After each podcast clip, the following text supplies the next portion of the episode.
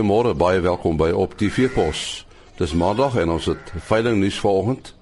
Maar ons praat ook met uh, Tito Foster oor sy boerdery en dan 'n uh, eh, ander boerdery die van Paul van die Kerk wat met Bovelders boer. Ons gesels nou met uh, Tito Foster van die Delft boerdery en uh, ons gaan 'n bietjie met hom gesels oor uh, waarmee hy boer en hoe hy boer. Tito, vertel vir ons waarmee boer jy presies? En nie, ons het 'n gediversifiseerde boerdery waar ons um, ons hoofbedryf egter is in die bosbou waar ons met denne, wattle en verskillende uh, eucalyptus variasies boer, maar dan het ons ook ehm, 'n um, relatief groot Simbra stoetery wat ons bedryf.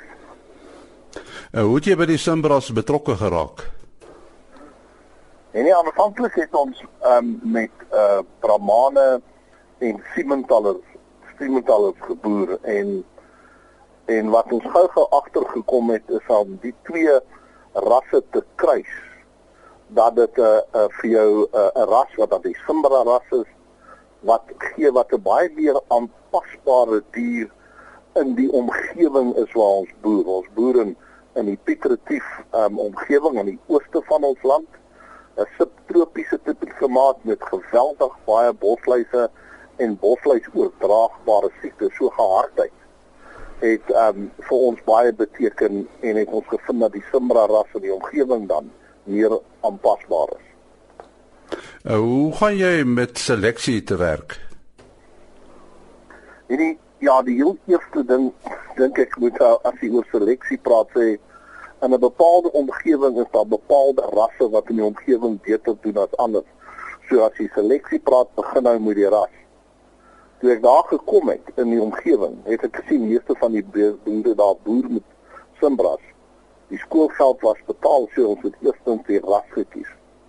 Die tweede belangrike element van seleksie is dat jy moet ehm um, diere hê wat in jou omgewing aangepas is en wat vir jou jaarliks 'n kalf gaan gee. Elke kalf is nie 'n stoetkalf nie. Maar elke bees moet vir jou jaarliks 'n kalf gee. En as jy nie daarvoor selekteer nie, dan sal jy in die wees die marginale geaardheid van die beesbedryf wat ons heidaglik beleef, sal jou kontantvloei net nie klop nie. Nou jy het ook 'n uitspraak gemaak dat dit nie noodwendig die duurste bil is wat die grootste invloed op die vordering in die kudde het nie. Verduidelik 'n bietjie.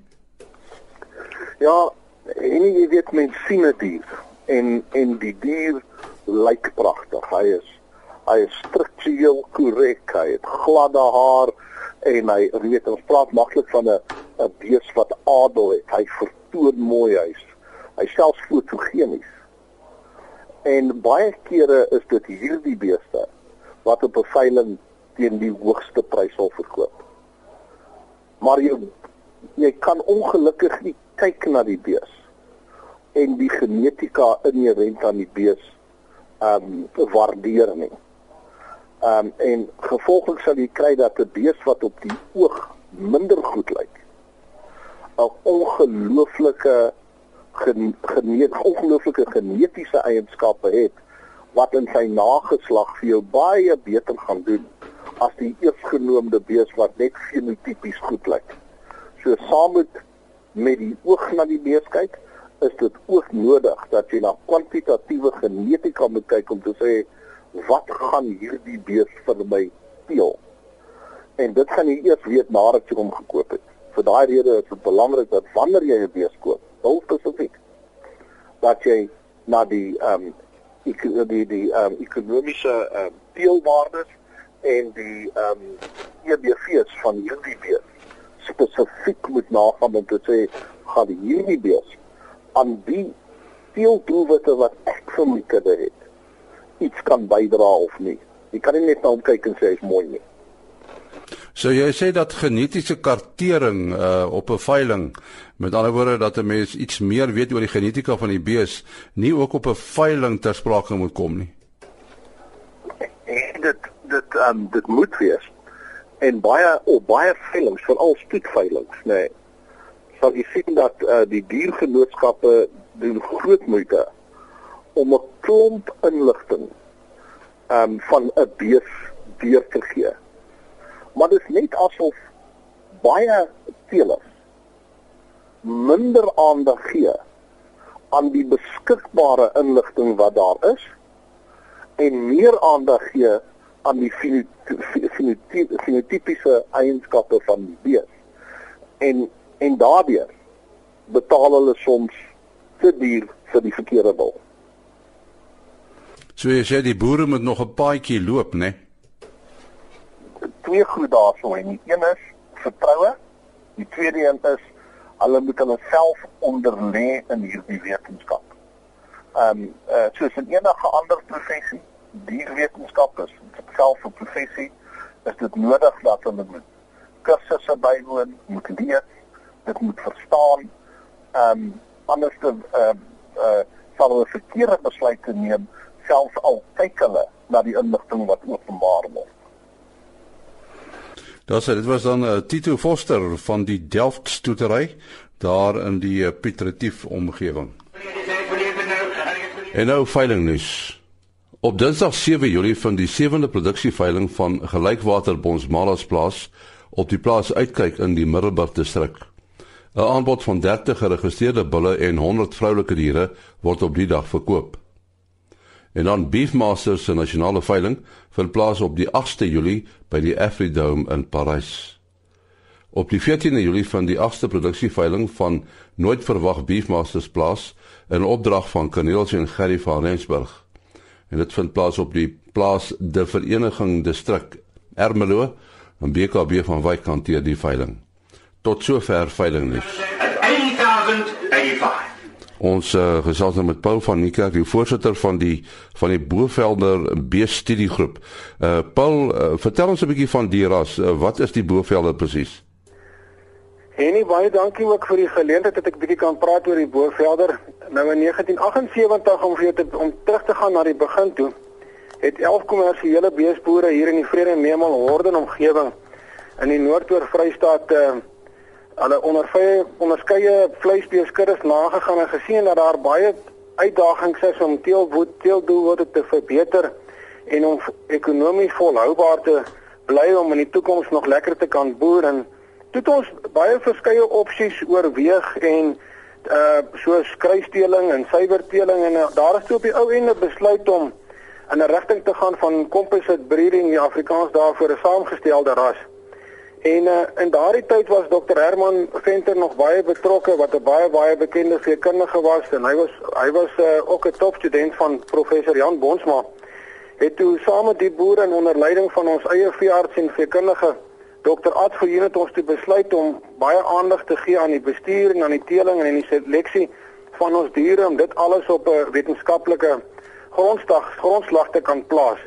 Nou en nie daar is toe besluit dat ons um, gaan boer met 'n bees wat 60% uit 'n Taurus tipe en 40% uit 'n Indicus verhouding het.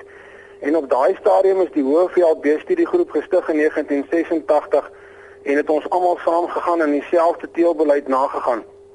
Nou die Bovelder is toe aan hierdie uh, composite breeding uh, die naam die Bovelder is toe aan hierdie composite breeding gegee. Nou uh, die, as jy na die studiegroep leer kyk het hulle kinders bestaan uit twee tipes naamlik die uh, die Taurus uh, groep wat nou kom hoofsaaklik van die Simmentaler af en die Indicus groep wat nou hoofsaaklik kom van die Bonsmara af. En uh, so het ons toe nou 'n rigting ingeteel en by ons by die Bovelder beestudiegroep is dit vir ons die ons grootste beleid en ons grootste ding wat ons wil nastreef is om waarde toe te voeg in ons kinders. Dit is vir ons baie belangrik. En die feit van die saak het ons maar net almal kommersiële boere is. Nou hierdie verhouding wat jy voorbeeld 60-40. Uh, ons is 60 Taurus tipes omdat uh, omdat dit vir ons die ehm um, uh, dit goed werk in ons streek. Daar is streke wat by ons in die Hoëveld, dit is dit vir ons belangrik dat ons meer met 'n Taurus tipe bees moet moet moet boere in die, in die koue winters uh ehm um, en en en 40% unikus as jy nou weer gaan na die na die na die warmer dele soos in Noord-Transvaal waar hulle nou in die bosagtige dele is en dorings is maak hulle nou weer gebruik van 'n meer unieke tipe bees as wat hulle meer gebruik maak van 'n meer taurus bees. So die verhouding af hang af van van waar jy boer met die beeste. Ons ons dit hang af dit afleid af van die omgewing af. En uh, is is die ras nogal gewild? Die ras is baie gewild. Ons het toe nou in die um, afgelope tyd in, in 2014 het ons toe nou nuwe strukture in plek gebring. Ons lede taal bestaan heidaglik op 70 lede. Ja, en die Bovelder beestudiegroep is in 4 dele, 4 streke verdeel, naamlik um, die Vrystaat nou is die 'n groot grootste konsentrasie en dan 'n streek in Mpumalanga en Natal en dan is 'n paar boere in Limpopo wat ook as streek op hulle eie funksioneer. Nou Dr. Adgoe is ons koördineerder van alle studiegroepbedrywighede en dan het ons ook nog 'n veearts Dr. Chris Nel wat ons uitvoerende bestuurder is. En uh groepsverband, die feit dat ons in groepsverband werk en baie hoë standaarde bly is vir ons regtig van uiterste belang en nie. ons hou vier veilinge se jaar. En um, ons nasionale veiling is nou die 1 1 September en dan nou is nog 'n veiling die eerste week in Oktober op Neemal en dan het ons nou nog 'n interessante nuwe konsep begin. Ons het die 28ste Julie ons inligtingsdag op Horden en daar gaan ons 'n klompie bulle beskikbaar stel goedgekeurde bulle wat die ons brandmerk van 'n beok op gaan hê. En daai bulle gaan ons teen bekostigbare pryse aan ons uh, oud lede in in in in in in oud kommersiële lede en nuwe lede wat uh, belangstellend bulle so lank teen bekostigbare pryse gee wat vasgestelde pryse is. So daar gaan ook nie uh, botte wees op die bulle nie die, die bulle gaan uitgeplaas word teen vasgestelde pryse en ons dis dis 'n nuwe ding en 'n eerste ding en ons hoop dit gaan werk Ja, Paul, uh, interessant. Julle noem julle self 'n uh, 'n studiegroep. Dis nie noodwendig 'n telersgenootskap nie. Dit sê iets, né? Nee. Ja. Ja, die die die die feit dat ons 'n studiegroep noem, noem is omdat ons almal kommersiële boere is en ons uh, ons ons is nie geregistreer by Stamboek nie en ons is 'n studiegroep en en vir ons die die die feit dat ons in 'n groep kan werk en en en almal saam dink oor teeling is vir ons baie belangrik en dit is 'n um, klein noot saam met hoë standaarde wat ons graag wil oppas en wat ons baie hard aan werk om op te pas. Uh telefoonnommer Paulus uh, mense inligting wil hê. As daar enige iemand inligting in inligting wil hê, kan hulle my ook skakel. Uh by uh, 05892 40755 op my landlyn. Ek het nie selfoonopvangs hier by my nie um, en nie of hulle kan vir dokter Advoorjoen skakel by 082 440 7823. Daar's hy, dit was Paul van die kerk. Hy is die voorsitter van die Bovelde Studie Groep en uh, net weer sy nommer 0589240755. Môreoggend om 4:45 is ons terug. Tot dan, mooi loop.